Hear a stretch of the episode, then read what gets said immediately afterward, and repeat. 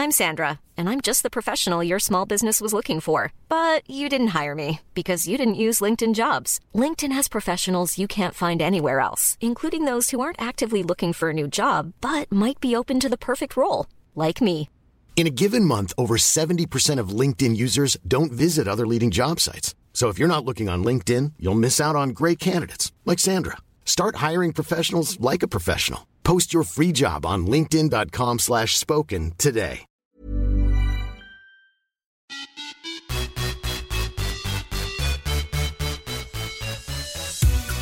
Hej och välkomna till podden Viss och Svärm on the run med mig Josefin Svärm och Sara Viss.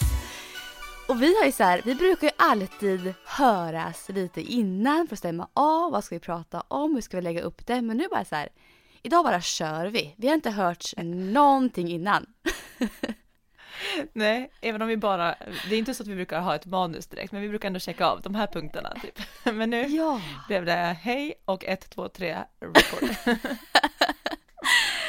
Ja, men det känns så här, det blir lite mera liksom spontant eh, och lite mera på riktigt om man gör så, tänker jag. Så att vi, vi testar och kör. Ja, ja, det var ju, vi fick faktiskt en kommentar eh, på DM just så här, någonting om att den tycker om att lyssna på vår podd för att det låter som att man får bara ta del av två kompisars gemensamma intressen när de sitter och pratar. Och det är lite det jag också tycker om när jag lyssnar på poddar, att man får nästan som sitta med i ett eh, fikabord eller sådär förstår du, och bara hänga med i flowet och att det inte är så programmigt. Liksom. Nej men jag håller med, man vill inte ha det här liksom för uppstyrda utan man vill ha det här mycket mer spontana. Det är där jag också så här känner när jag lyssnar på poddar att det är det jag gillar. Och så fort jag känner att en podd är för mycket uppstyrd så typ stänger jag av. Att, Ja, om inte det är en faktapodd och Ja, att man men- lyssnar på den av, av, det beror som sagt vilket syfte man lyssnar på podden. Mm, absolut, så är det ju såklart. Men ja, nej men så känner jag och jag vill kanske ge mer, ännu mer spontanitet i våran podd. Ja, det, jag gillar det. Så Hur- berätta, Ja. hur har din vecka varit? Jo, ehm, den har varit eh, ganska bra. Den har varit väldigt, väldigt stressad däremot. Ehm, Okej. Nu känner jag lite som du känt det här med stressen när det kommer till jobb. Eh, det, alltid är det ju så här att allt kommer samtidigt för mig. Ja. Och det, det, det, Ja. det verkar som att det är så för många. att eh, jag har haft en ganska lugn period innan. Och sen den här veckan så bara pang! Nu kommer liksom allt på en gång. Ehm, nästa vecka ska nya funktioner i Sprint Crowd-appen lanseras. Eh, så de vill stå på stort där, att jag ska ha löpningar där nu. Eh, det kommer in två liksom, så kampanjer som de ville ha med mig i också, som ska vara klart nästa vecka, producerat och allting. Eh, och samtidigt Sara, så ska jag göra en ögonoperation på måndag. Jaha. Ja, sån laser, Laseroperation. eller vilket, för att slippa glasögon. yes. Så jag var så här, Mhm. okej, nu fick jag typ tokproducera material liksom på någon dag igår och bara, jag var så stressad för det här. Och så skriver också Micke från Sprint Crowd, vi ska lansera på måndag. Jag bara, eh, nej det går inte, jag ska operera mina ögon. ja, Ja, för då får inte du, måste du typ blunda på ett, ja, en viss grejen är eller att, hur är det? ja alltså, och jag är så nervös för det, Sara. Ja, men du, jag förstår. För att, är att jag, jag har tänkt på det ganska länge att jag skulle vilja göra en eh, synkorrigering för att jag ser jättedåligt på långt håll.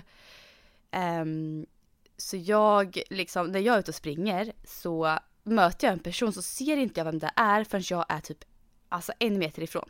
Då kanske jag ser vem det är liksom. Så dåligt ser jag. Och springer jag liksom i skogen så ser jag inte stenar ehm, och rötter. Alltså jag, jag snubblar ganska lätt. Så det, det är ett jätteproblem för mig liksom när jag är aktiv. Och när jag åker skidor typ utför, alltså det, ja, det är helt hopplöst. Jag ser inte.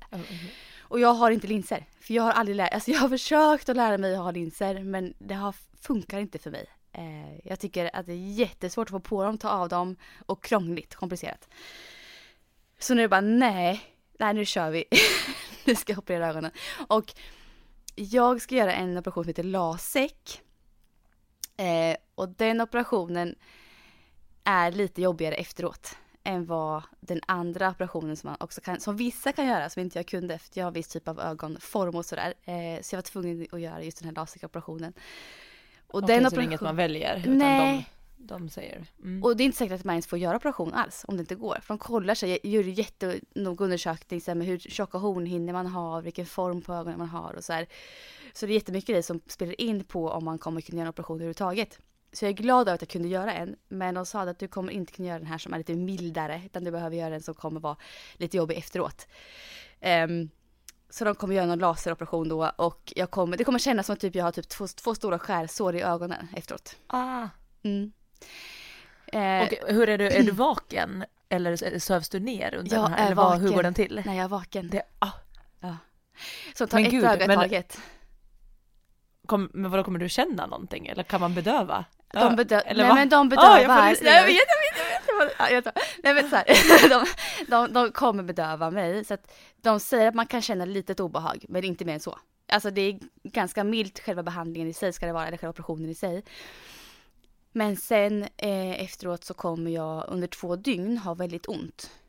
Eh, ganska rejält ont kan jag ha efteråt i två dygn. Eh, och lite till efter i värsta fall då. Men efter en vecka så ska mina ögon vara ganska återställda och jag ska kunna se väldigt bra efter en vecka.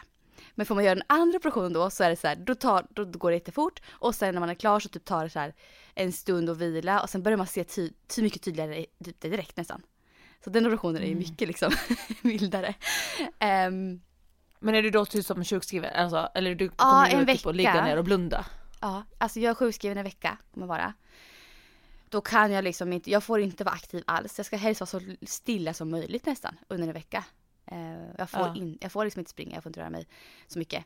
Uh, och Nej, jag tänker så att titta på skärmar och sånt kan ju inte nej, heller vara jättebra. Nej, nej. Så under två dygn i alla fall så kommer jag vara väldigt så här still, alltså jag kommer ligga i sängen i två dygn i princip. Uh, och typ lyssna på poddar och bara liksom vara.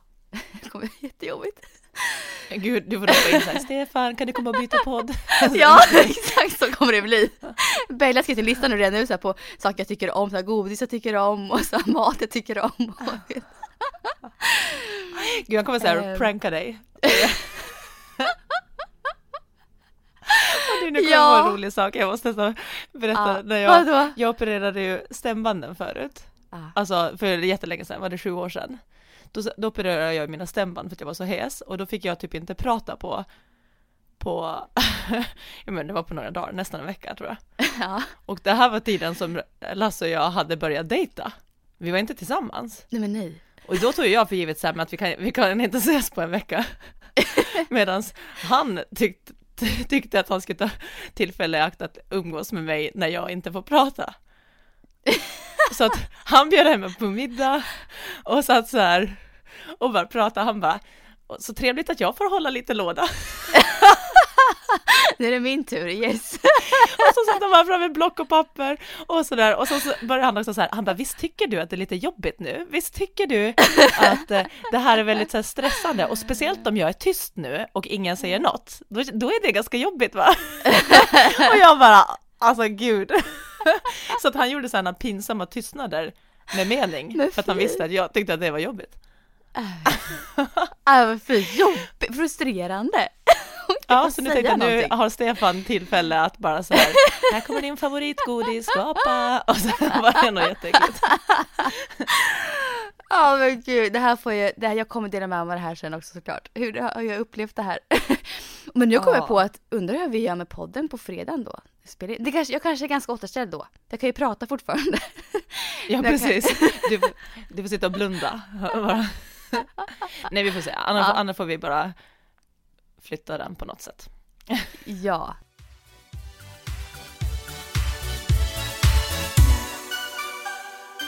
Och innan jag går in på hur alltså, min träningsvecka har varit så kan vi så bolla över till dig, hur din vecka har varit generellt. ja men det, det, är lite samma också här. Det har varit ganska mycket jobb. Eh, vi har haft eh, också Rasmus hemma, han har haft lite ont i magen och sådär. Så det har varit lite pusslande. Jag har ändå, tror jag, hittat mitt flow, men jag hamnar i den här jag skulle säga att jag har hamnat i den här klassiska, du vet att man känner att man aldrig riktigt räcker till helt. Och det här minns jag att jag hade också när jag gick tillbaka och jobbade efter efter varit föräldraledig med Rasmus, och utan att hitta balansen i att det känns som att jag är som bara tre dagar i veckan på mitt PT-jobb, alltså i studion.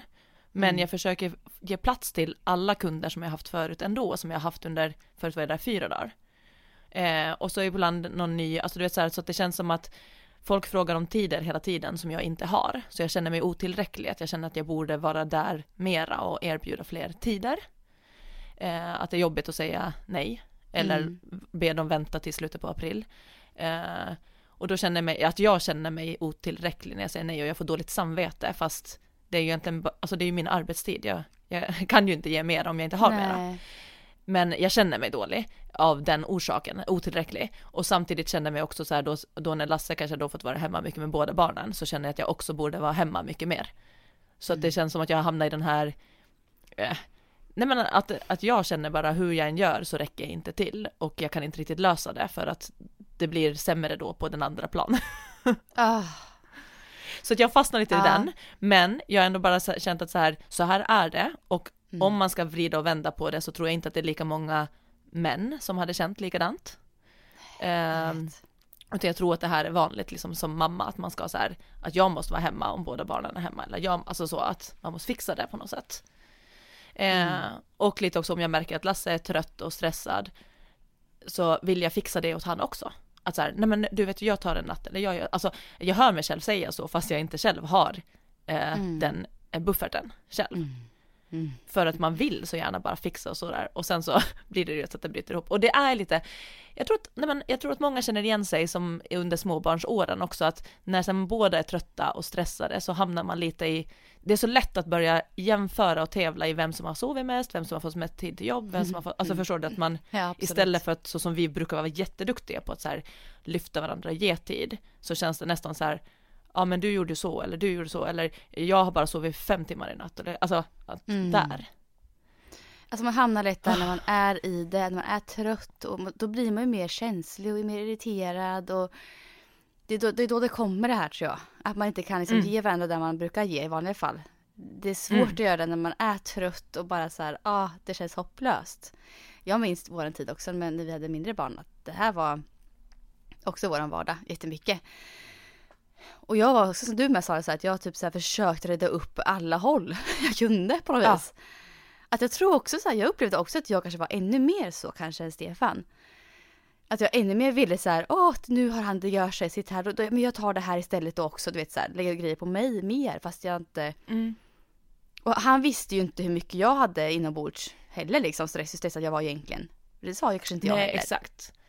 Och jag tror att det är lite det också just att man, för det är ju inte, jag, jag menar alltså Lasse gör jättemycket, alltså otroligt Mm. mycket. Eh, men jag, jag tror att jag har en tendens att ha mycket mer i mitt huvud.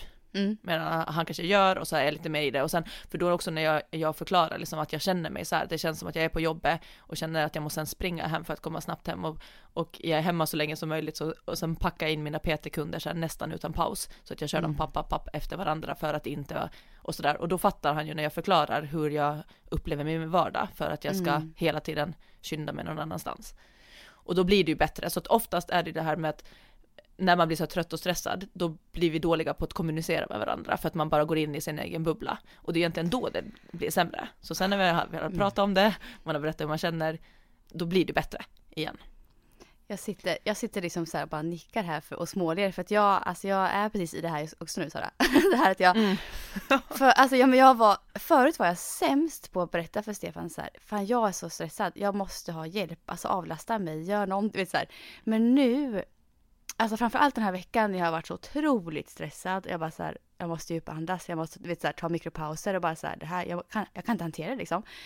Nu, han har ju också sett på mig den här veckan att du är stressad liksom. Och jag har sagt att jag behöver hjälp. Alltså vad du än kan göra för att avlasta mig den här veckan, jag behöver din hjälp. Och då har han verkligen så här tagit till sig det och han ser det själv och verkligen har gjort allt. Han bara, säg till, vad kan jag hjälpa till med? Jag gör det liksom. Alltså så verkligen har han varit. Så den här veckan har, varit, Mm. har vi kommunicerat otroligt bra. Och hade vi inte gjort det, då hade nog jag, vet inte vad jag hade gjort. då hade jag inte klarat av den här veckan i princip. Så kommunikation alltså. Det är så viktigt. Ja. Ja men det blir bättre och då gjorde vi så jättebra lösning, alltså för att eh, han sa ju också att han hinner ju, han råddar ju med allting liksom med, jag men, speciellt, alltså det som faller bort för honom framförallt då när båda barnen är hemma, det är ju hans träning. Mm. Så då blir det att han tränar ju ingenting. Mm. Eh, Och då, men då hade vi så här ju att, som att jag bara, men då var, eh, jag skulle till Bosön, jag tränar ju torsdag morgnar. Mm. Och sen åker jag därifrån till jobbet. Och jag bara, jag hinner liksom inte hem emellan och lasta av, lasta av dig. Men då hade vi så här, det var jättefint väder i torsdag, så då var det så här, jag tränade och så sa jag, men, men kom till Bosön kvart i elva. För att då, jag börjar liksom senare, så då kan jag ta Mm. barnen en och en halv timme där. Jag hinner inte hem emellan, för det är ju så mäckigt för oss att åka. Och då kunde han ändå ta båten till Bosön, för jag hade åkt färja och tagit bil, i och med att jag skulle ha bilen till jobbet sen. Så då kunde han ändå ta båten raka vägen till Bosön. Och så sa jag så här, då får du antingen gå in och, och träna där eller dra ut och springa. Det var ju så här fint väder och så. Jag bara, men då tar jag barnen och så Eh, och då gjorde vi bytet där och då kände jag så här, torsdag mitt på dagen, men det funkade och det var bara, gud vilken bra lösning, för då tog jag med dem och åkte och hämtade hämtmat så att, så att jag hade ätit lunch, ätit lunch redan innan jag kom till jobbet och barnen hade ätit lunch. Och sen åkte vi tillbaka till, eh, till Bosön där ute på eh, gräsplanen och så spelade jag och Rasmus fotboll. Och du vet, så då fick jag Mm. också så här tid med barnen, jag fick vara ute och vi åt lunch medan han tränade. Och så, men det där var ju så här, det där kom ju ut bara för att vi hade haft diskussionen om att det här funkar inte riktigt, alltså du vet att vi bara Mm. okej. och då var det jättebra. Men det där var bra. Alltså det där att hitta och bli effektivare på något vis i vardagen. Det går ju oftast att lösa. Och minska Ja. stressen väldigt mycket om man bara hittar, om man försöker hitta lösningar på det. Så går det ju oftast. Ja, och prata så att man vet vad behovet är. För att Ja. man kan ju inte, alltså, det är svårt att fixa någonting om man inte vet om att den andra går och är jättestressad för att den aldrig får träna. Den måste säga det högt. Eller jag måste Mm. också säga det här att jag, det känns som att jag springer fram och tillbaka hela tiden. Och då sa vi också så här, då kan inte du komma hem för att ta barnen en och en halvtimme och åka iväg igen. För då blir det ytterligare igen ett stopp till för mig Mm. på vägen. Att det går inte. Jag måste liksom få vara där jag är. Mm. Så ja, nej men, men eh, så med det, så det har blivit bättre nu i slutet på veckan just efter, i och med att vi hade diskussionen och pratade lite om det. Men det är ungefär så som den här, det är därifrån min stress kommer. Att jag har känt mig otillräcklig. Och men nu har jag börjat liksom, ja, eh, nu är jag medveten om det i alla fall. Och då blir det lite lättare.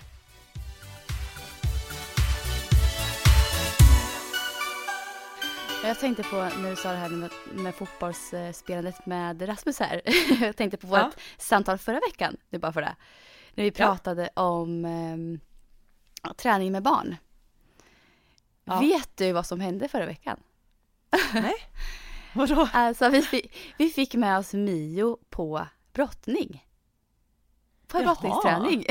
jag var så här, alltså jag är ganska, jag är väldigt förvånad över att vi fick det för det första. Eh, för vi har testat massor sporter med honom som ni vet, som ni som lyssnar. Eh, och nu så gick han med på att testa brottning och brottning har varit någonting som vi ändå sett hos honom finns naturligt. På något sätt. Att han liksom, sen han var liten, jätteliten, två, tre, fyra år, så, så ville han ju brottas med alla. Liksom. Eh, och det har vi så här snappat upp lite på senare tid med. Så här, fan, det är det här, brottning skulle ju ändå kunna vara någonting. Vi tänkte lite så här. Och så föreslog vi det, så kollade de på en träning förra veckan bara för att så här, han måste, han måste ha tid på sig liksom. För att bearbeta en tanke. Så han, de var tittade på träningen förra veckan och kom tillbaka och var så här, ganska glad liksom. Det, det såg ganska kul ut liksom så. Testade nu i tisdags, fick med sig en kompis i klassen och kom hem och var överlycklig. Men åh vad härligt. Nej men jag bara så här, jag fick hålla igen, alltså verkligen så här för att inte vara för mycket så här, du vet. Men jag var så glad att se honom. Han kom hem och han pratade om brottning hela kvällen. Men gud vad kul. Ja, så nu, nu vill man liksom inte hoppas för mycket men ändå så här liksom att okej, det här är någonting som finns inom honom som han tycker är kul. Så det här Ja. liksom, ja, vi kommer köra på här nu på träningarna. En gång i veckan är det bara. Så det känns så här, ja, då får vi hoppas på att det här kan vara någonting som han faktiskt fastnar lite för. Ja men gud, det låter, och jag tror det där är ju så viktigt också att prova olika saker. För jag tänker Ah. brottning skiljer sig lite från just det här löpning, friidrott, hopp. Utan det här är liksom en sport med lite lägre tyngdpunkt, alltså det är mycket statiska moment, Mm. alltså det att hålla, alltså det är ganska motsats till löpning skulle jag Ja. säga. Mm. Och det här, Och det är det som är också ja. så här viktigt, man kanske dragit, det är lättare tillgängligt för er att ta med på friidrott och eh, löpning, sånt som man själv Mm. gör. Men att det där är ju som någonting, det där är ju något väldigt helt annat, men superbra träning. Jag kommer ihåg när jag pluggade på Bosön så var det några brottare med och de har alltså brottarfysen. Det är ju riktigt bra träning. ja det är ju det. ja, det jag ville bara fånga upp det för jag tänkte förra efter förra veckan bara shit det var exakt det här vi pratade om liksom. Uh, och en sak till Sara, vi snackar även om, du pratar ju mycket om så här att man ska cykla med barnet till skolan och gå med barnet till skolan och så. Uh, mm. Vilket vi har försökt göra förra våren ganska mycket så, uh, så mycket som vi kunde då, han med. Uh, det första jag gick och gjorde efter vi poddade förra veckan, det var att gå och köpa en ny cykel till mig själv. För att Jaha. jag har haft en jättedålig gammal cykel som bara skramlar, som bara den ska skrotas typ. Eh, och känner bara så här, okej okay, om jag ska få barn att cykla till skolan så måste jag också ha en ny cykel. Så vi börjar den här veckan, vi cyklar tre, tre gånger den här veckan till skolan, jag och barnen. Wow. Så det har blivit eh, 8 kilometer per dag för barnen cykla då. och jag har ju fått 1,6 mil i mina ben. Oj. Eh, ja. ja. men alltså vet så här, jag bara, jag, jag, jag har ju förstått det tidigare, jag tänkt tidigare att jag borde göra det oftare. Men bara så här fick en insikt nu bara, nej men fan. Nu, nu börjar vi cykla. nu kör men vi. nu kommer våren också och att ja. de är ju lite äldre också. För mm. Jag förstår ju att man kanske inte vinglar iväg med en liten liksom. Nej. När det är så långt. Ja. Men jag menar nu är de ju ändå lite, lite större och ja. Våren kommer. Jag förstår att man inte cyklar året runt, det kan jag liksom fatta. Ja, men nu är nu har det varit fantastiskt cykelväder. Så nu finns det ju ingenting som liksom hindrar en egentligen. Vad säger barnen då? Eh, delade meningar såklart. Ja. Bella är superglad, eh, vilket jag förstod. Hon, bara, hon vill inte åka bil nu. Hon hatar, som i morse så han vi inte, så han vi då inte, så pratar tidsperspektivet, vi hann inte ja. ta bilen i morse, eller cykla i morse.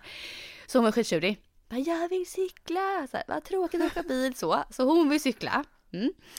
Och 190 trampar iväg, du vet så. Eh, och Mio, han, ja, först det ganska bra så här. Sen började han klaga. Äh, gud vad jobbigt det här är. Och mina ben, mjölksyra benen. så ja.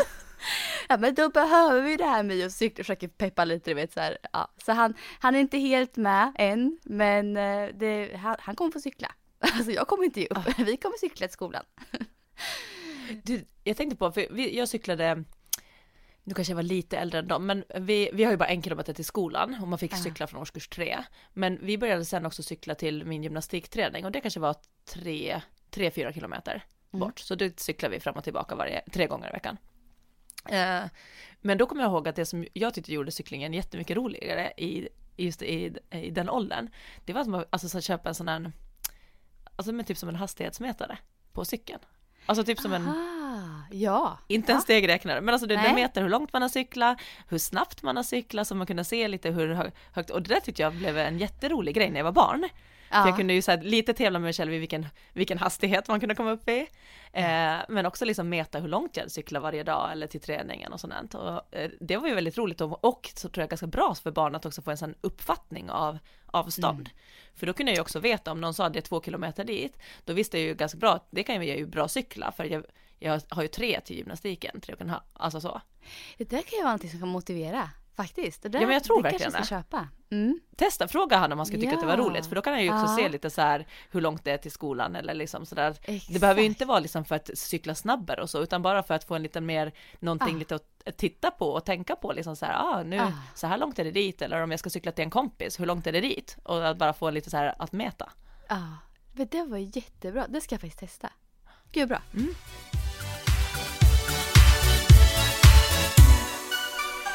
Men annars, hur har din eh, träningsvecka sett ut? Den har rullat på bra igen. Jag är alltså. i ett flow alltså. ja, och nu börjar det kännas så här, så, nej, men jag tränar väl inte så mycket, men jag vet att, att de här fyra passen, bara för förra månaden så hade jag, har jag haft svårt att få ihop fyra, det blev ofta tre. Och nu mm. att jag till och med börjar känna så här, nej men gud, jag har inte tränat så mycket, men det är ju bara för att det börjar, tror jag, sätta sig lite som en vana. Mm. Mm, det är fortfarande säkert. fredagspassen som alltid är svårast att få till. Eh, för jag har svårt logistik, för då fredagar är också båda barnen hemma. Eh, eh, mm. Så då är det alltid lite svårare med logistiken. Men nu när det börjar bli bättre väder ute så tror jag att det passet som jag ska göra kommer jag bra att kunna göra i vårt eh, utegym. Mm. Eh, det har varit lite för kallt för att jag har ganska mycket hopp på fredagar. Så att jag ska försöka införskaffa på något sätt en bra box för jag behöver kunna hoppa ja. höga boxhopp på, fredag, på mitt fredagspass. Eh, ja. Så att jag ska försöka få till en bra låda som jag kan hoppa till eh, på här hemma. Och då känns det som att då kommer jag kunna göra det passet bra hemma och då ska det bli lättare att få till det också. Ja, och så ni att, eh, har nej, men, ju... Ett så bra Ja, vi har jätteförutsättningar. Mm. ja, det är liksom så här, när vi började göra gymmet, så då höll vi, då var vi lite mer inne på crossfit-grejen. Eh, och därför är det jättebra, alltså man kan göra det mesta liksom i crossfit. Sen har ju friidrotten så ganska specifik, så jag behöver mest skivstång. Men det är mera nu det är liksom att det är så mycket som ska gå snabbt och det är hopp och sådant. Så då har det varit liksom att är det för kallt så eh, känns det inte bra i, i kroppen när det ska vara så explosiva övningar. Men Nej, nu blir det ju bättre. Mm. Så att nej, det har gått jättebra och jag känner mig, jag känner, jag, jag, jag fortsätter på den här, känner Ja, mig men du- starkare och snabbare.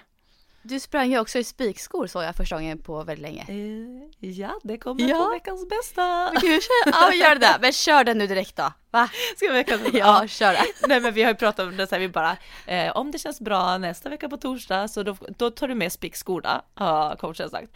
Eh, och, eh, och det är ändå så här, och han sa också så här, du kommer bara få springa tre intervaller bara så du vet. så det har han också sagt innan. Så att han bara, och det kommer bli jobbigare sen när du byter tillbaka. För att nu är det som, Ja. nu vet du ju inget annat. för att det är liksom bara det där jag har haft. Men så jag gjorde, jag sprang andra sättet i spikskor. Alltså det är sån annan känsla. Det är liksom så här som att Nej men du vet greppet, det går att accelerera på ett annat sätt och fötterna liksom väger ingenting. Eh, nu har jag ändå haft ett par väldigt lätta joggingskor så jag har ju tyckt att det känns jättebra med dem. Men då sen när man bytte tillbaka, så jag, sa, jag förklarade känslan så här att då kändes det som, du vet när man springer på ett jättedåligt löpband, typ som brukar kunna vara på något hotell eller någonting, du vet sån här som det, så det känns nästan som man, att det, det bara dunkar, det låter så här dunk, dunk, dunk när man springer på det. Och att det känns som att det här bandet är nästan lite så här slappt.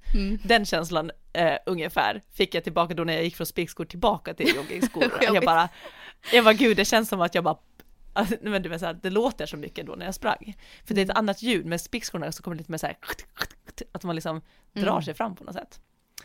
Så, men det var också så här, eh, coachen sa bara så här, eh, Sara, fokus, glädje. Och jag bara, ja, ja. och så här, inte för snabbt, utan bara spring med glädje. Och jag gjorde det och då kom det de där glädjetjuten igen. Jag bara så här, Woo! Alltså, jäklar vad härligt. Ja, sen är det mina gamla spikskor som att jag har ju haft dem alltså i två säsonger och de har varit där, alltså jag ska ju köpa nya så småningom men det, det behövs ju inte nu. Eh, men det var lite så här, de, de är ganska sunkiga, det luktar lite när jag öppnar påsen och så. men det var så härligt ah. och igen ett steg närmare att sprinta, inte bara Mm. att springa snabbt. Mm. Utan verkligen eh, ett steg närmare sprint. Ah, fantastiskt. Ja, har du någon veckans bästa som du kan hoppa in på direkt? Eh, oj, eh, det får nog bli... Vänta här nu. Jo, det får bli ett pass som jag körde i måndags. Ehm, då så körde jag på schemat enligt Rubin. Nu kommer jag in på min, min träningsvecka här också. Efter det här Mm, kan jag göra ja. direkt. Eh, måndagens pass tyckte jag flöt på riktigt bra för mig. Jag har haft lite, lite trötta ben eh, några pass. Men då så fick jag till 12 kilometer skulle jag köra distans. Med avslutande 3 kilometer rätt så fort. Och det här är någonting som jag egentligen brukar göra ganska ofta. Eh, jag har kört lite kortare däremot eh, progressiv distanser förut. Men nu körde jag 12 kilometer totalt. Så efter 9 kilometer, då var jag så himla pigg i benen. Så jag drog på rätt så fort här alltså. Alltså jag tror att någon av mina, nej men alltså gud, någon av mina liksom kilometrar där tror jag låg till och med under fyra minuter per kilometer. Oj, ja. Alltså jag, jag hade ett sånt flow i det här passet och bara... Alltså jag, jag vet inte vad som har hänt. Jag känner ju så här redan nu, eller jag tror så här, jag tror att jag har väckt min kropp till liv. Med att köra snabba pass. Det är vad jag tror Ja. att som har hänt. Jag har liksom, för så mycket kan inte utvecklas på två och en halv vecka. Så jag tror bara att min kropp har vaknat. Jag har väckt så här snabb, de snabbare muskelfibrerna. Jag, är liksom så här, jag är igång mycket mer i kroppen, mer redo för snabb löpning på något vis. Bara av att ha kört intervaller nu, två pass intervaller typ i veckan i två och en halv vecka. Så att det flöt på, det kändes inte så fort som det sen visade. Men gud vad härligt.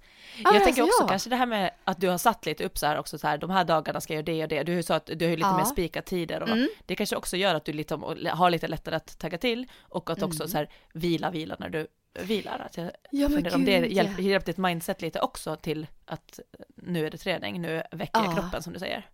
Och sen också att man så här, typ ser till att äta lämplig mat också innan passen och så. Mm. Alltså, för ibland när, jag, när det är oplanerat så kanske jag ibland springer men innan frukost och så här. Då, blir, då har man inte den kraften riktigt som man har när man har lite mat i magen. Det är faktiskt så, det är Mm. skillnad tycker jag. Ehm, så jag har ätit mat som lämpar sig för att springa. Liksom, och, vid, och rätt tid innan. Så det har också gjort väldigt mycket timing med maten där. Det inser man ju liksom mer och mer tycker jag. Hur mycket, alltså hur viktig timingen med maten gör, alltså är för, eh, för prestationen. Det, nu när du säger det så tänkte jag, alltså så här, för det är ju verkligen så att har man bestämt en tid där man ska träna, alltså om man vet klockslag, då blir det faktiskt automatiskt, i alla fall för mig, att då, då anpassar jag ju maten till det.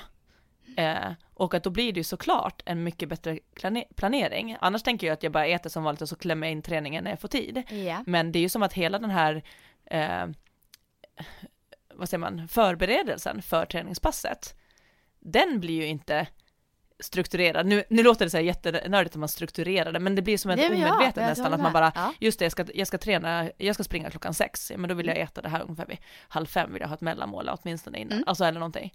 Att det blir automatiskt såklart eh, bättre planering i allt, bara genom Ah. att veta när och vad man ska göra.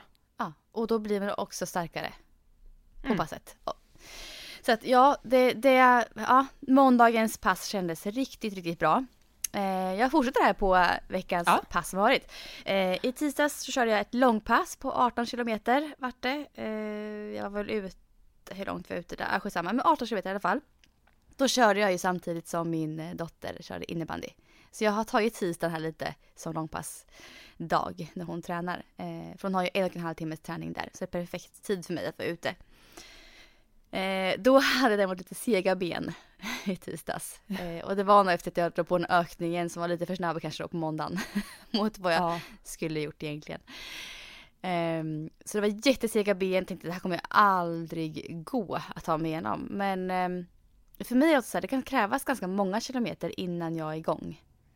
Så att den här segheten släppte mer och mer faktiskt ju längre jag sprang. Så att eh, det gick också väldigt bra. Eh, onsdag hade jag hel vilodag, eh, ingen träning alls.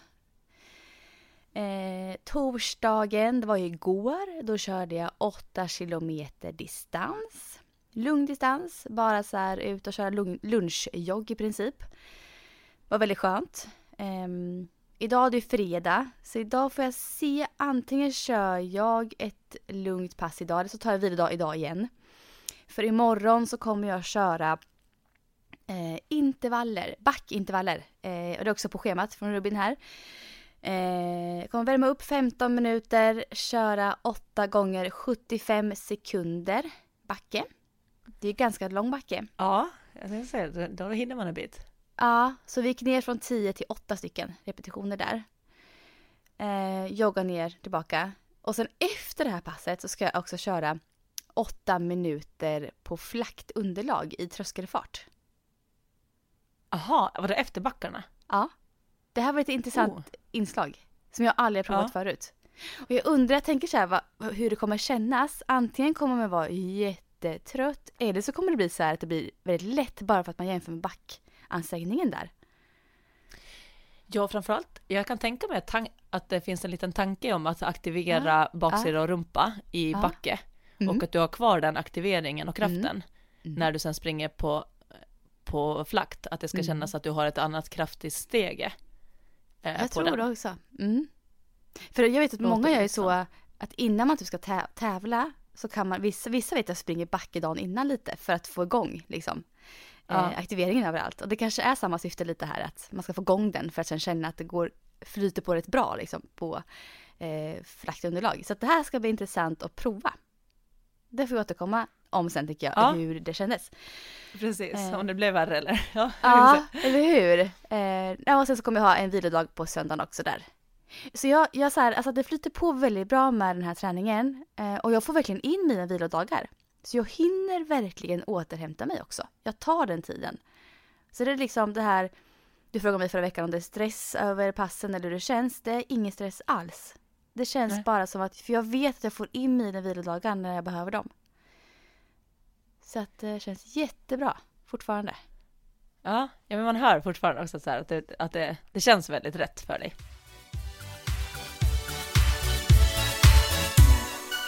Sen Sara har vi fått in en lyssnarfråga. Ska Ja. vi ta den? Yes, det får. Eh, jag har den framför mig, ska jag läsa upp den? Ja. Ja. Eh, det handlar om löparskor och hur länge de liksom eh, håller kan man säga. Det är många som undrar det här också. Ehm, Hej, jag har en fråga om skor, men först lite cred. Er podd är så himla bra och sprider energi och träningsglädje. Fortsätt precis som ni är, hjärta. Åh, vad fint! Nu till frågan.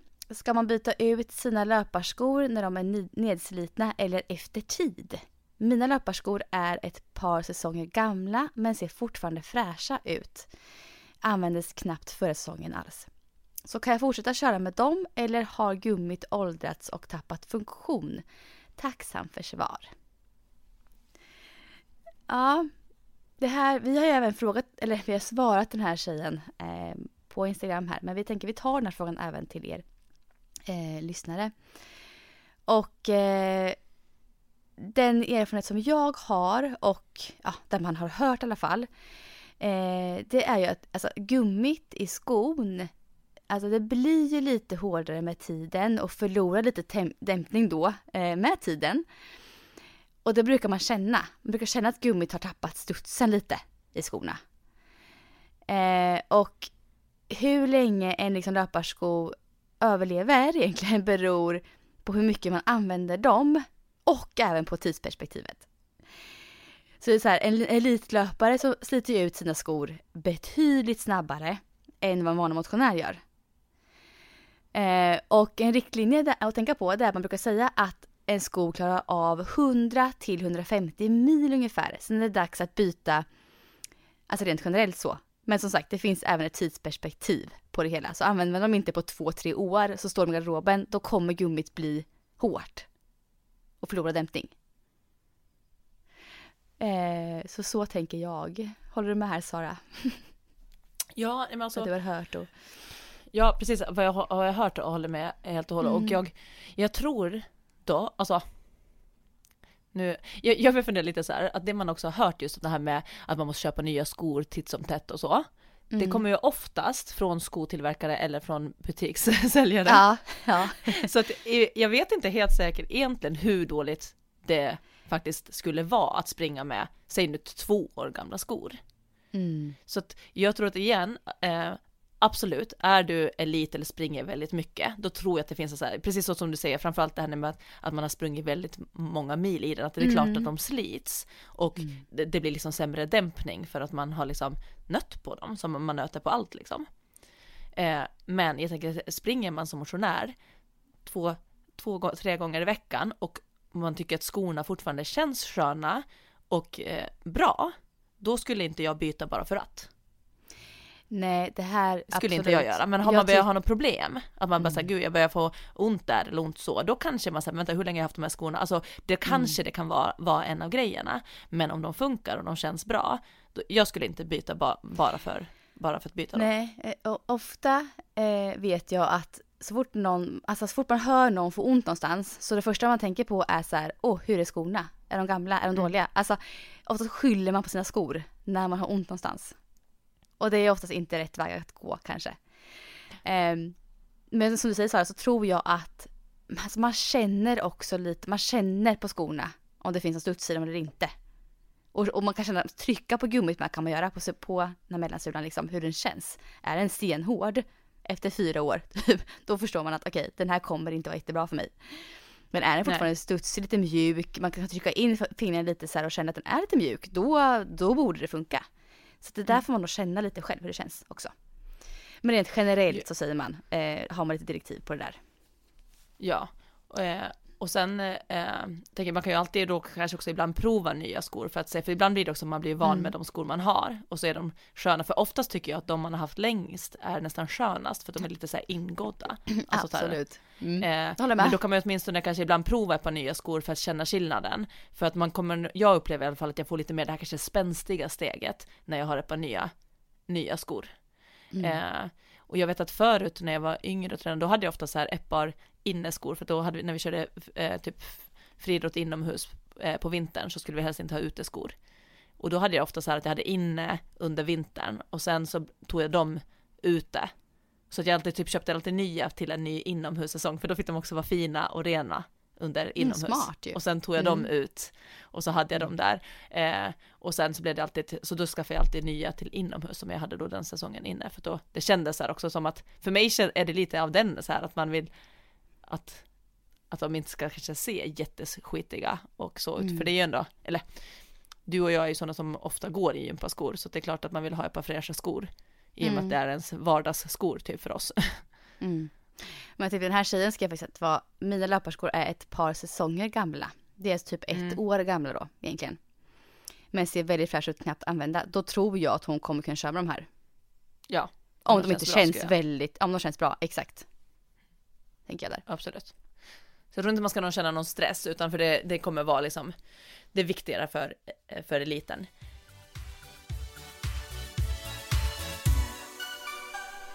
Något annat intressant Sara, som vi har så här. jag tror båda två har funderat mycket på och kollat mycket på. på tv. det är Ja. ju Elitstyrkans hemligheter. Nu skrattar jag. För det här är ett så extremt program som är så intressant.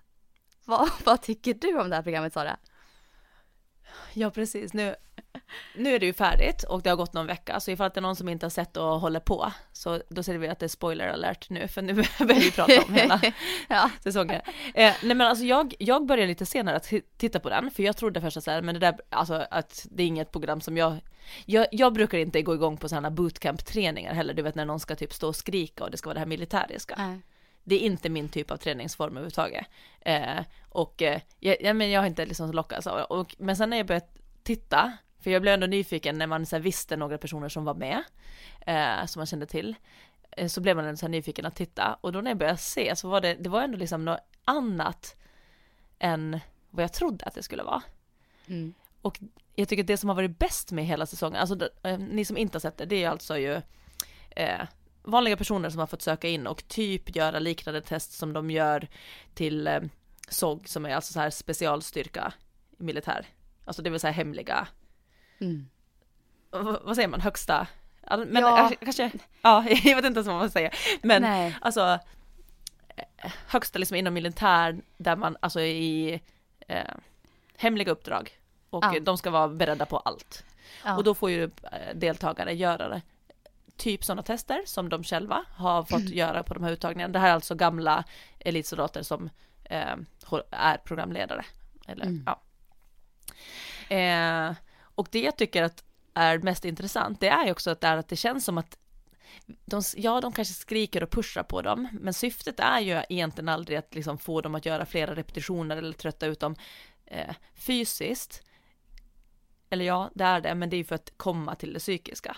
De vill ju liksom se vad händer med det mentala när man är hungrig, inte sovig, är jättetrött. Eh, och att det handlar nästan mer om det mentala. Och mina favoritsnuttar i programmet har ju också varit när de har plockat in någon i ett rum och fått prata och för, förhöra den eller liksom och ställa frågor till dem. För det är där man ofta ser att de träffar otroligt bra och rätt i frågor och att man märker att de är inte alls bara hårda skal, inte ledarna heller, utan de vill ju verkligen komma in till vem är du och alltså komma bakom alla skyddsmurar liksom. Ja, Så alltså det det är är, väl ju, min- ja. men alltså det är ju intressant. Jag tycker också som du säger, de här liksom ledarna som har, har hand om det här, de tycker jag är väldigt så här, de är väldigt bra. Alltså de är ju, Mm.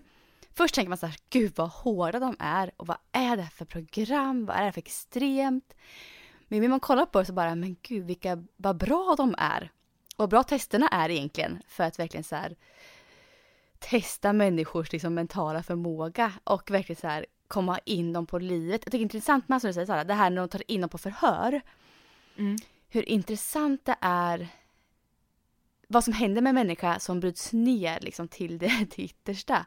Eller innersta kan man säga istället. Men vad som händer med människan och att vissa människor där inne i det rummet, de liksom börjar ju gråta, bryter ihop totalt och visar sårbarhet och det är det som de vill se.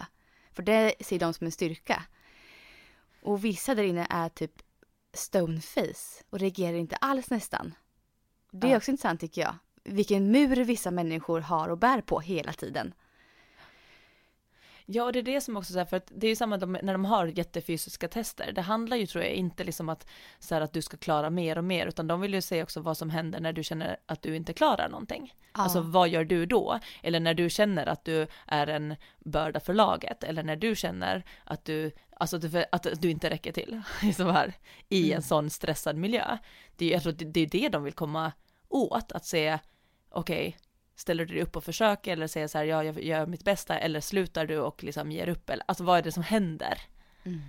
Och det intressanta tycker jag också där, efter att de har varit i rummet, så det är ju många personer som har brutit ihop och så, och sen ganska direkt efter eh, lämnat in sin, den här nummer som de har på, eh, eh, på armen, för att de har känt att de har, behöver inte bevisa någonting. De har, och det tänker jag att då har de ju kanske kommit till det där, de har brutit ner allting, och det, de känner sig inte ens, jag upplever inte att de känner att de har misslyckats heller, utan de känner bara så här, ja, nu, nu förstår jag mig själv på något sätt och jag behöver inte, jag behöver inte bevisa att jag kan det här för att jag, jag liksom så här, jag kan nöja mig här och jag är nöjd med det, typ.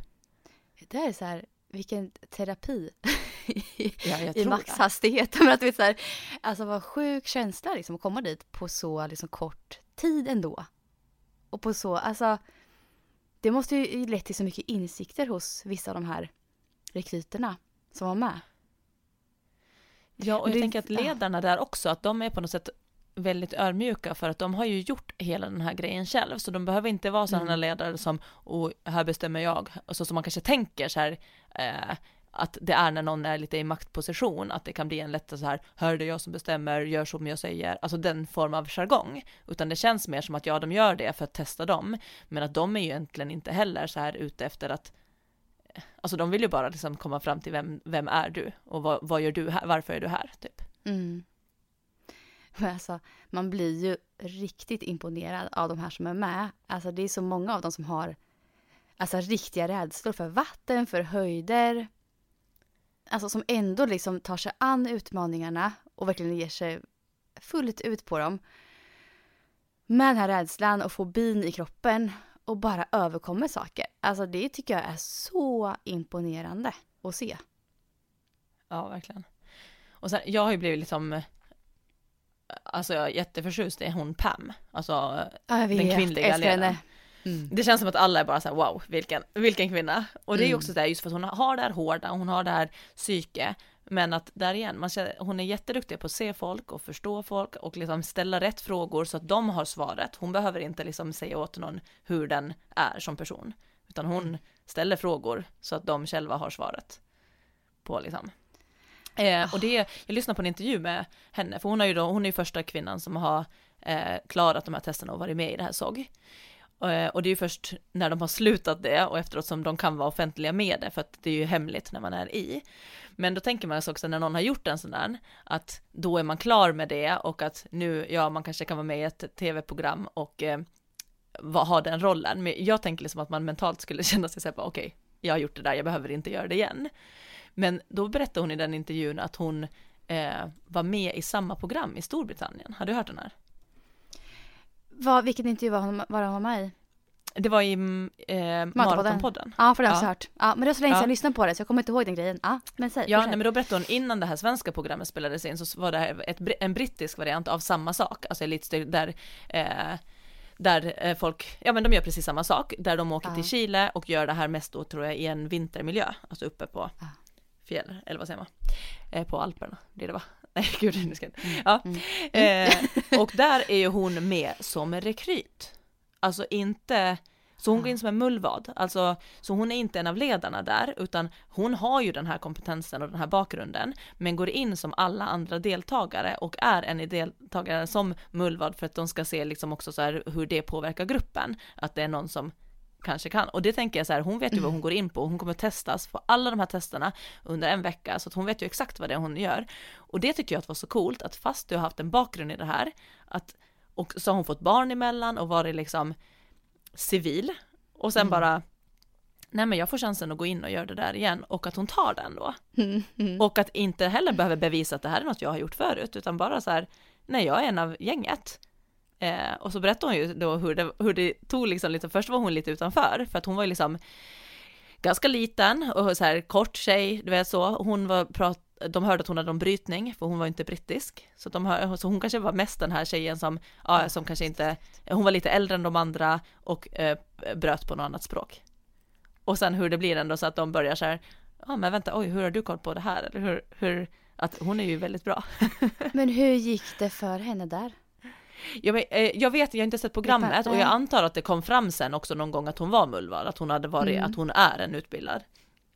Eh, så jag vet inte riktigt, men att eh, hon är ju, ja, hon är ju med liksom långt in och gör alla jobbiga test liksom.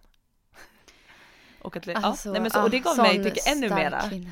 så här att hon, faktiskt gör det en gång till och sen så, och nu då ah. är med i det här programmet. Det känns, då har hon ännu bättre också tror jag förståelse för, för då har hon varit med i den bubblan bland vanligt folk som gör de här testerna. Mm, så det gav mig precis. bara på något sätt ännu större respekt tyckte jag till hennes roll i det programmet hon gör här då i Sverige. Mm. Sen är det så intressant att se för det var ju liksom, jag menar det var ju en mix av män och kvinnor här. Uh, och vissa kvinnor var ju typ hälften i vikt. Absolut hälften i vikt av männen. Ja. Och bara gå in där som kvinna, alltså samma, på samma villkor. Du bär samma tyngd hela tiden. Det är liksom ingen skillnad på män och kvinnor och på storlek och vikt. Nej. Alltså hur imponerande är det då att göra det här? När man är som Elin som väger liksom, vad kan hon väga? 50 kilo? Ja men typ. Och så är det en man som står bredvid som väger 100 kilo. Alltså det är en jäkla skillnad alltså. Ja. Och mentalt då så här tycka att känna så här, det här är okej. Vi har samma villkor. alltså, och inte tänka så här, fasiken han, han är ju mycket starkare än mig, ska jag bära samma ting som honom. Alltså det tror jag man kan fastna lite i där då, liksom att du så. Men de bara kör på. Ja. Men jag tänkte så här, för jag har ju fått av flera så här bara, gud, det här skulle passa dig, du skulle göra det här bra. och när folk säger det så till mig, jag bara alltså va? det är som att man kopplar ihop att om man tycker om att träna så tycker man om det där för att jag kan säga, jag är inte det minsta sugen på att utsätta Nej. mig för det där, inte just nu, kanske innan barn och kanske liksom på ett annat, alltså en annan tid i livet. Mm. Men där jag är nu så är det ju bara så här, nej, nej, nej, nej, jag vill, jag vill inte att någon ska, att jag inte ska få sova, att jag inte ska få äta, att jag inte ska få, att jag ska gå och frysa och att jag ska vara trött. Det är inget som lockar. Hur, hur känner du liksom med, om någon så här sa, ska du inte söka nu till säsong två? Hade du velat göra det? Aldrig. nej, för så här, nej, jag tvekar inte ens. För grejen så här Sara, att jag, alltså helt ärligt så är jag alldeles för mentalt svag för det. Jag skulle, alltså rent mentalt skulle jag bli nedbruten jättefort. Jag skulle bryta ihop alltså. Ah. Nej, jag, nej, jag, åh, oh, nej, jag tänker att det skulle vara jättetufft för mig faktiskt. Um, det vore kul så här att testa lite, lite, några av utmaningarna, men i övrigt så bara nej. Nej, jag skulle, jag skulle inte vilja vara med i det här.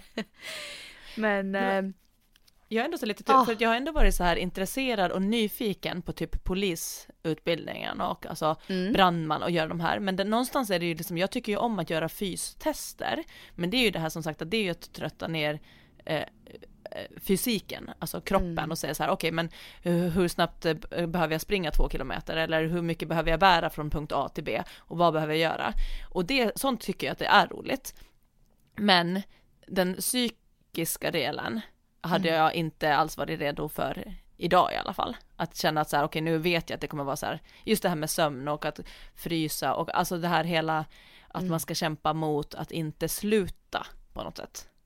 Skulle du vara sån här som typ så här skulle ta åt dig av vad instruktörerna sa? Alltså skulle du så här, För jag tänker att jag skulle bli typ ledsen om jag fick skäll typ.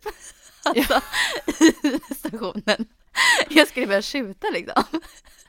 Ja, skulle du ta det? Eller är du mer hårdhudad så? Skulle du kunna ta det ganska bra om någon bara så står och är arg på dig eller så här, vet så? Vet du, jag tror att jag hade varit en av de där som bara så här håller det inne, alltså sätter upp ja, det är så.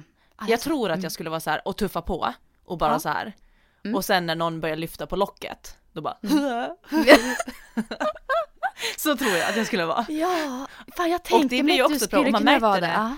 Ja men för jag tyckte att det märkte man på många av de som åkte ut i början, för de hann ju inte komma längre. Alltså de hann ju inte, för det är ju fortfarande ett tv-program där någon åker ut hela tiden. Så jag tror att hade det inte varit tv, så tror jag att några av de som åkte ut i början hade kunnat klara sig mycket längre, för att de har inte själv eh, fått lära sig och lära känna sig själv på vägen. Nej, de åkte ut för precis. tidigt.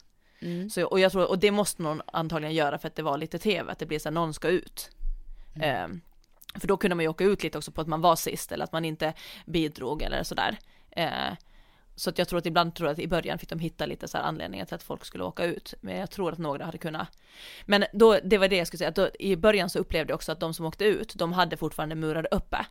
Eh, Ja, precis. och de, och de var lite mer så här skyddade så här, och att det var viktigt att prestera. För att man har ju en tanke om att presterar jag bra på den här övningen, då kommer inte jag att åka.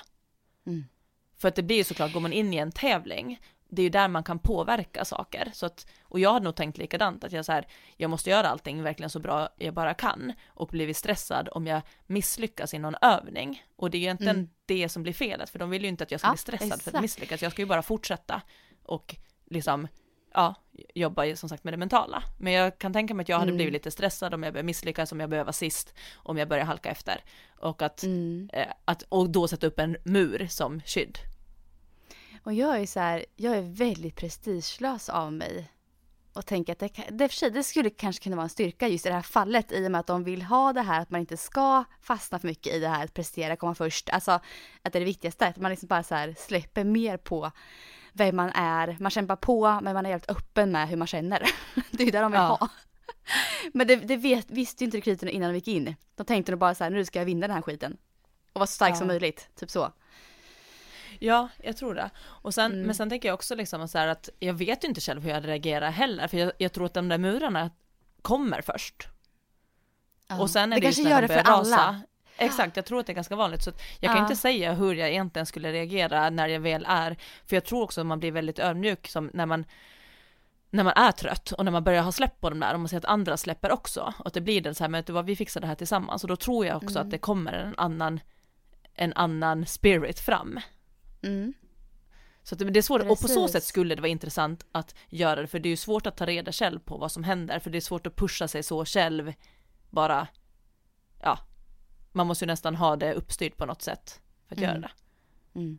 Men det är ju just det här som är liksom tjusningen med programmet. Och se när människor bryts ner och vad som händer med en som person. Det är där jag tycker är intressant Ja, i det här. Lasse sa blev att han blev som så sugen att testa det här, men han skulle inte vilja vara med på, alltså göra det på tv, men han skulle typ Mm. vilja sådär gå ut i skogen själv bara och vara borta en vecka Mm. och se vad, vad som händer liksom, när han måste lösa saker Ja. och du vet. Så att han är ju ändå sugen på det att liksom utsätta sig för en sån stress eller liksom, eller göra typ de här testerna men inte på tv. Ja. Jag fattar. Det jag kanske blir det nya, du det vet så här, man åker ja, på, Ja. istället för att åka på spa så åker man på så här hell week. Det tv-sänds Ja, inte, kanske. utan någonting, utan du gör bara all skit för dig själv. Så inte. Ja men alltså det här programmet har ju fått snurr alltså. Det känns som att det, det, det, pratas mycket om det här. Eh, och många är fascinerade över hela upplägget. Så det, det ska bli kul att se nästa säsong. Jag längtar dit nu. Ja, ja men precis. Och då undrar jag hur de gör om det, för de kan ju inte ha samma grejer, men jag antar att de bara gör, alltså samma, eh, alltså olika tester, andra tester, Mm. fast med samma, samma mål såklart då. Ja, Så det för det, att det är klart det de- blir annan sak säsong två, för nu visste man ju inte, de som var med nu visste inte alls vad som väntar dem överhuvudtaget känns som. Men Nej. då vet man ju det nu, nästan vet man ju vad som väntar och vad de, vill ha. Det blir svårare Mm. säsong två tänker jag. Men därför tänker jag också att de kommer göra någon ny mix.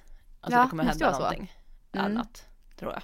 Eller att Mm. de till exempel gör det i en annan miljö, att det inte är på sommaren, så att det är vinter uppe i, alltså, det, och då hade jag absolut inte velat vara med. Nej, nej För att om det är alltså. någonting jag har svårt Åh. för så är det kyla. Nej, jag med. Nej, det går. Alltså, fy. det, här, det här har varit det värsta. Alltså fysiskt värsta hade varit kylan. Absolut. Ja, för jag kan Åh, inte röra fy. mina, jag har någonting i mina eh, leder i fingrarna. Så att direkt Ja. det är bara lite kallt så, Ja. så blir de helt så här, alltså mina fingrar blir helvita och jag har typ svårt att böja dem då. Och det kan ju ske vid alltså minus fem. Ja, så att hade jag, har varit också... sådär, jag hade inte kunnat använda mina händer. Nej, men jag, alltså mina fingrar, alltså vissa av fingrarna, eh, av, av delen, fingertopparna typ, Ja. blir jättepåverkade när jag är i kylan. Mm. Och det Alltså blir som en linje. jättekänslig. där det är så här ja, vitt jag är jättekänslig är jag. Nej jag Mm, får och inte så, så märk, jag får inte märkbart vitt får inte jag, men jag får jätteont, det sticker, det svider alltså efter jag kommer in. Ja okej, ja, nej men mina blev verkligen som en typ- linje. Ah, med, det är så. så är det vitt. Mm. Nej fy. Så, Ja. att, eh, men, så jag tänker att det kanske kommer någon sån twist. Ja. Men jag tänkte överlag på det där just att så här, vad, man, vad man går igång just i träningen också på det här att klara och genomföra eller att träna för att bli bättre på någonting. Eh, och det här Mm. är det ju lite det varför jag tror att många blandar ihop, dels med den här, att folk tror att det här är någonting som jag verkligen skulle tycka, att det, tycka om. Eh, Mm. Och samma har jag fått då med just Ironman och göra den typ av utmaning. Att de bara, ah, Sara blir du inte eh, sugen på att göra det här? Det var speciellt, jag har ju bott och jobbat i Kalmar i många år. Och då är man ju i eh, den Ironman-bubblan varje Ja. år i augusti, för det är så stort, alltså det blir som en stadsfest hela alltihopa. Och då är det alltid så här bara, är du inte sugen, ska inte du köra nästa år? Och jag bara, men alltså det lockar inte mig någonstans att ha, så, alltså att ha som träningsmål, just när vi pratar om att det ska pirra i magen och att jag ska längta till, alltså så här till utvecklingen. Och just det här att träna för att bara ta mig igenom eller bara klara någonting. Mm. Det är någonting som jag tappar i själva träningen då, som att jag, eller jag vet inte, det driv, jag hittar inget driv i att klara, bara klara det. Utan jag vill ju hellre ha så här att jag ska göra någonting snabbare eller tyngre, alltså förstår du att jag vill veta mitt utgångsläge och så vill jag göra det bättre. Eh, och en Ironman för mig hade ju handlat om att bara ta igenom, för jag är ju inte, man måste ju träna ganska länge och vara väldigt duktig på det för att börja ha så här, okej jag ska göra den verkligen på en bra tid. Ja. Mm. Så för mig hade det ju bara varit så här, ta mig runt och jag vet inte, det, eh, den, att ha det som mål för mig funkar inte. Nej, man är ju olika där alltså. Där, jag, är nog, jag är en väldig mix i det. Alltså jag tycker om både att ha prestationsmål, men jag kan lika gärna ha ett mål som handlar om att genomföra också. Och att faktiskt gå Ja. igång på det ordentligt. Men, skulle även om det är så långt, alltså genomföra, ja, jag skulle kunna typ ta Lidingöloppet och jag ska bara Ja. genomföra utan prestation. Förstår du? Men Mm. för där vet jag ändå någonstans så här, ja, jag kommer ju att klara det liksom och, och det är långt för mig. Och så. Men Men, skulle just du att när det är så här då på 16 träningen dit? timmar typ. Ja. Alltså jag skulle ju jag, det något som lockar mig är ju typ att göra någon lång, väldigt lång ultra någon gång till exempel. Ja, Och där du inte vet om du kommer att komma i mål eller inte. Ja, ja. Ja, mm. Det kan locka, absolut. Ja, det absolut. Det är det. Ja. Ehm, verkligen. Så jag har nog väldigt stor mix där. Men samtidigt så är det ju... Alltså det är fortfar- fortfarande lättare tycker jag att motivera mig till en viss träning om jag har ett prestationsmål. Att bli bättre. ja. Det är svårt det här. Nej, jag är Mm. nog, jag är, jag är nog väldigt mix tror jag. Ja men för där har vi ju där, typ onsdagen innan Ironman, då är det så här mini-tri som är. Mm. Det är en tiondel av distansen och där är ju väldigt många med istället, alltså många företag och allt, alltså för det är ju så många som är på plats för Ironman, så många som kör Ironman kör ju till och med mini-tri onsdagen innan som en liten uppvärmningsgrej, för det, det är verkligen så här hanterbara, det är ju alltså en tiondel av eh, simningen, så Just nu vet jag inte exakt, vad är det 300, 400 meter, något sånt blir det då? Ja. Mm. Och sen är ju eh, cykeln då bara 18 mil och löpningen Mm. är 4,2 kilometer. Det blir Och skillnad. då är vi nere på distanser som det här kan du verkligen göra bra. Här kan du pusha på och jag menar att springa 4,2 kilometer på slutet, där vet du ju att där kan du faktiskt träna på ditt löpsteg och orka trycka på, alltså du förstår. Och Mm. det lockar ju mig mycket mera. Att så här, oh det där hade varit kul att vara med på, för det där skulle man faktiskt kunna träna på och Mm. försöka göra det bra. Sen kan jag vara så här, jag tror många känner så att de, de är rädda för att misslyckas. När det är ett för så här enkelt mål. Alltså, för där skulle jag vara rädd, sprint kastade tror jag va, i triathlon. Men där skulle jag vara rädd för så här, att misslyckas för andra. Ja, Men skulle Ja. jag göra en Ironman så skulle ju genomförandet vara nog, alltså bra nog. Det, det går inte att Ja, misslyckas precis. där. Förstår du vad jag tänker? Det blir också så här, Mm. det skrämmer mig, vissa sådana grejer skrämmer mig för att jag rädd för att misslyckas. Jag tror många känner likadant. Och då är det lätt att ta sig an ett mål som är väldigt svårt, eller väldigt tufft, lång tid. För då får man påhejningar och man får hejarop och man får liksom applåder efteråt för att du har genomfört det här extrema. ja det är, kre- det är kreddigt liksom. Alltså, ja. Alltså, det... Så många kanske hamnar där. Att de inte riktigt vågar se Ja. på de här som är... Ja, och sen tror jag också så här för att jag har typ en så här en PT-kund som jag, eller en gammal PT-kund som jag tycker att det är bara så intressant, just när vi pratar med målsättning och det här med pirr i magen och att det, det finns också en bild om att så här att, att äh, springa maraton, då är man vältränad. Kör Ironman, då är man jättevältränad. Alltså att det blir också en sån här yeah. allmän grej. För jag hade en förut för länge sedan en, en kund som just hade den bilden och hon ville liksom gå ner 15 kilo för hälsa och sen så vill hon börja springa och liksom så här, ja men det, det ultimata för att liksom så här att, jag, att man har blivit vältränad, det är ju att, att göra typ ett triathlon, någon, eller så här. Och mm. jag bara okej, okay. och, och, du vet när man hör nästan så här, men vänta, tycker du att det skulle vara roligt att göra ett triathlon? Och det är så här, du vet att man känner nästan så här, nej men det här är någonting som den har hört, att ja. är man alla vältränade, gör triathlon. Vad tycker du om att springa? Nej, jag får väldigt ont i knäna när jag springer, men det kanske blir bättre när jag gått ner de här 15 kilona. Och bara okej, okay, så jobbar liksom ändå med viktminskningen och liksom hälsa och börja träna. Och då märker jag liksom att första gången hon här tjejen rör en skivstång så är det som att jag bara, ha, alltså har du inte lyft förut? För att det känns som att du bara kan det här. Och mm. bara, nej, alltså jag har aldrig rört en skivstång. Jag bara, men alltså, du, första gången vi provar marklyft nu så, så kör, reppar du flera stycken på 80 kilo. och du vet, och, och att för henne var det här en helt ny värld. För hon har, ja. hon har ju tänkt att hon ska inte styrketräna för att hon hade nog säkert också kanske lite den här, men både viktnedgång och löpning går in i det och du vet att det är det som är alla sportiga. Och då är det så, så här häftigt när, när någon börjar märka, men vänta, så här, jag kan ju faktiskt välja det här. Jag behöver inte göra någonting som jag får ont i knäna om och som jag känner att min kropp naturligt kanske inte vill göra. Och jag har inte mm. jättestort intresse för det. Nej. Men att det, det, är så lätt att hamna i att, ja, jag ska träna och jag ska mm. göra någonting som, som an, andra tycker att det är bra. Och mm. nu så vill jag bara liksom så här, nu har hon här tjejen fått barn på vägen och eh, har fortsatt med sin, för hon älskade just, äh, vi började med alla styrkelyft, så jag bara alltså du måste prova bänkpress också och det och det och så vet så här. Och nu har ju det, det här är ju många år sedan vi träffades första gången och vi tränar inte ihop idag men vi har väldigt eh, nära kontakt ändå. Eh, idag så lyfter den här tjejen 160 i mark, ungefär 100 i böj och 80 i bänk. Äsch. Alltså så hon, hon sopar ju golvet med alla mina vikter, hon har slagit alla mina personrekord som vi liksom när hon började så här, för när hon började bli duktig, jag, mm. jag märkte att hon kanske såg upp lite till mig som, som PT och ganska så här, och så började mm. hon fråga lite så här, vad har du tagit? Så, här, så sa jag så här, men jag har tagit det här, men bara så du vet, så du, du kommer ju slå mig om du, för du är bara, du är bara nybörjare fortfarande. jag bara, du, det här är bara din början. Och nu så här så sitter jag och kollar, så nu skickar hon ju alltid så här filmer så här, japp, där satt 160. Och jag bara, alltså fy fan vad du är bra. Och det här är jag så glad. Men, för att hon mm. hade kunnat fastna i det här, jag ska gå ner i vikt och jag ska börja springa triathlon. Mm. När det är så här, nej men varför? Du tycker inte att det är roligt, du kanske inte har exakt den genetiken för att göra det. Eh, och eh, alla tror jag tycker om också någonstans att känna sig bra på någonting också. Mm. Mm. Men framförallt den, hur hon tycker att det är kul. Alltså hon tycker det är jätteroligt att eh, lyfta tunga vikter. Det här är så viktigt. Det här är, men det är verkligen det. Och man ska inte tvinga sig själv i, in i någonting som man inte tycker naturligt är lite kul. Så Nej. här är det liksom, liksom när jag en period skulle försöka liksom, eller jag började med crossfit sen en period och det var så här, mm. lite motigt så här. Det var inte superkul. Alltså det var så här ganska motiverande först, men det var ändå fortfarande så här, det var inte det jag egentligen ville satsa på. det var ju löpningen och allt det här som jag alltid haft naturligt i mig. Och samma som med min, en av mina bästa vänner Joanna som så här säger jag borde börja springa, så här, hon hatar att springa. Men ja. hon, har hitt, hon, har hittat, hon har hittat till crossfiten. För ett, ja, men jag, jag har tagit upp det massa gånger på podden för hon är så bra exempel ja. på en person som inte tränar alls. Har inte gjort någonting i livet i princip och sen hittar till träningen senare i livet efter barn och allting.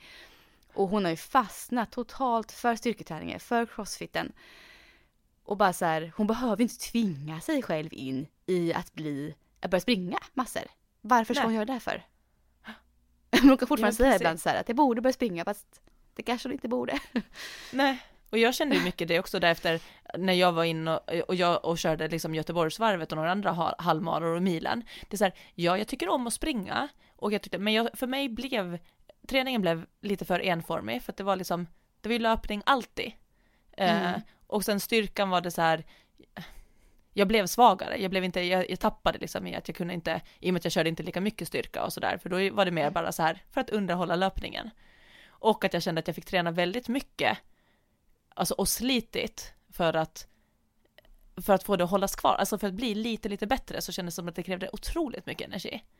Mm. Medan jag har mycket lättare för att så här, bibehålla min styrka i knäböj, att jag kan vara borta ett tag och sen så, sen så känns det bra ganska snabbt igen. Medan det kändes mm. som att jag måste bibehålla, bibehålla min, just den här snabbare distanslöpning om man säger så. Aha. Och att det var också så här, nej, och det är inte, det var inte lika roligt. Och så därför är jag också så glad att jag även på äldre dagar ändå bara, nej men jag tycker ju att det var roligt att springa snabbt. Jag tycker om att springa snabbt, hoppa och lyfta tungt. Jag bara okej, okay, och nu mm. är det det jag gör. Och det känns jätte, jättebra. Ah, och hitta till det där. Nu ser jag, jag får dåligt samvete för jag brukar så här tjata på min sambo i flera år så här. Kan inte du börja springa? Ska vi springa ihop? Och han så här, oh, ja, alltså så här. han tycker inte att det är superkul liksom att springa. Man säger det själv. Han kanske ska gå och brottas han också. han har gjort, han har gjort det när han var liten. Ja. han var talang när han var liten faktiskt. Um, Nej men han kör ju styrka, han har ju styrkan, han älskar ju ha. sin crossfit, han älskar sin paddel men han tycker inte om att springa. Nej, och jag tror det. Så jag man kanske ska lägga ner den där tjatningen på honom. ja, men sen kanske ni kan springa någon gång ibland för att det är roligt att göra något tillsammans. Men då ja. kanske det inte är löpningen som är egentligen det som är det mest underbara, utan det är den där tiden tillsammans som kommer ut. Ja, eh, exakt. Men att just att springa fyra gånger i veckan, det kanske inte är det som gör, gör han lycklig liksom. Nej, absolut inte. Jag ska få ångest. Nej, det är ingen bra idé. Så det kan ju vara lite läskigt, men jag tror att ändå liksom, om man känner att man inte hittar rätt och är mycket av och på med träningen, då är det så här, men vänta, tränar du det du vill göra, eller är det det du tror att man ska göra, eller det någon annan gör, eller det som förväntas att man ska kunna för att vara vältränad inom, eh, med fingrar uppe. Intressant, definitivt. Vi drog ut på tiden här också, men det gör ingenting. Ja. eh, vad har du för planer nu då Sara? Resten av dagen? Jag ska jobba på lite till och sen så har vi öfys här snart. Nu är det omgång oh, två härligt. som vi har kört, kört igång redan så att eh, ja, nu är det sex nya veckor som är på kommande. Ja, det är så gött med öfys. Det är så mysigt. Ja, det är jätteroligt. ja. Och man märker att man blir tajtare med grannarna också av de som är med. För det känns ja. som att man har en gemenskap. Fan vad härligt. Det är jätteroligt. Mm. Ja, jag förstår. Vad ska du göra? Eh, jo men jag ska jobba på lite här eh, vidare idag. Eh, kanske fota för en sak i senare sen när, när det börjar bli golden hour här. Ja. när man ska bästa tiden att fota. Det är så, det, alltså, oftast hinner man liksom inte, eller hinner, men oftast tar ju vi tiden att fota på dagarna för barnen i skolan. Men ibland vill man fånga in det här lite mer i ljuset kanske om man kan det någon gång. Så att vi ska få se om vi får till det. Eh, men annars så blir det en eh, härlig fredag myskväll med barnen. Eh, det är ju fredag när vi poddar. Det känns väldigt skönt. När ni hör det här är det söndag. Men ja. vi har fredagen framför oss. Så så ser det ut. Yes, men då får vi se och höra oss av nästa vecka. Förhoppningsvis får vi till en podd trots att du inte ja. ser någonting. Alltså, ja, vi får se. Ni kommer få höra hur jag mår i så fall. Ja. Stort lycka vi till med operationen. Ja men tack. Det behövs. Mm, det kommer gå bra. Det, och det kommer vara värt det. Ja, ja det kommer det. Mm. Absolut. Ja. Ha det så bra, bra nu. Ha en härlig söndag allihopa. Ja, det är fint. Hej då. Ja. Hej då.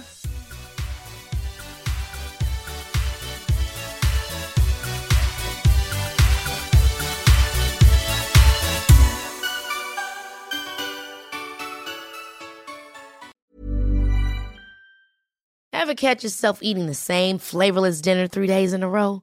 Dreaming of something better? Well, HelloFresh is your guilt-free dream come true, baby. It's me, Gigi Palmer. Let's wake up those taste buds with hot, juicy pecan crusted chicken or garlic butter shrimp scampi. Mm. Hello Fresh.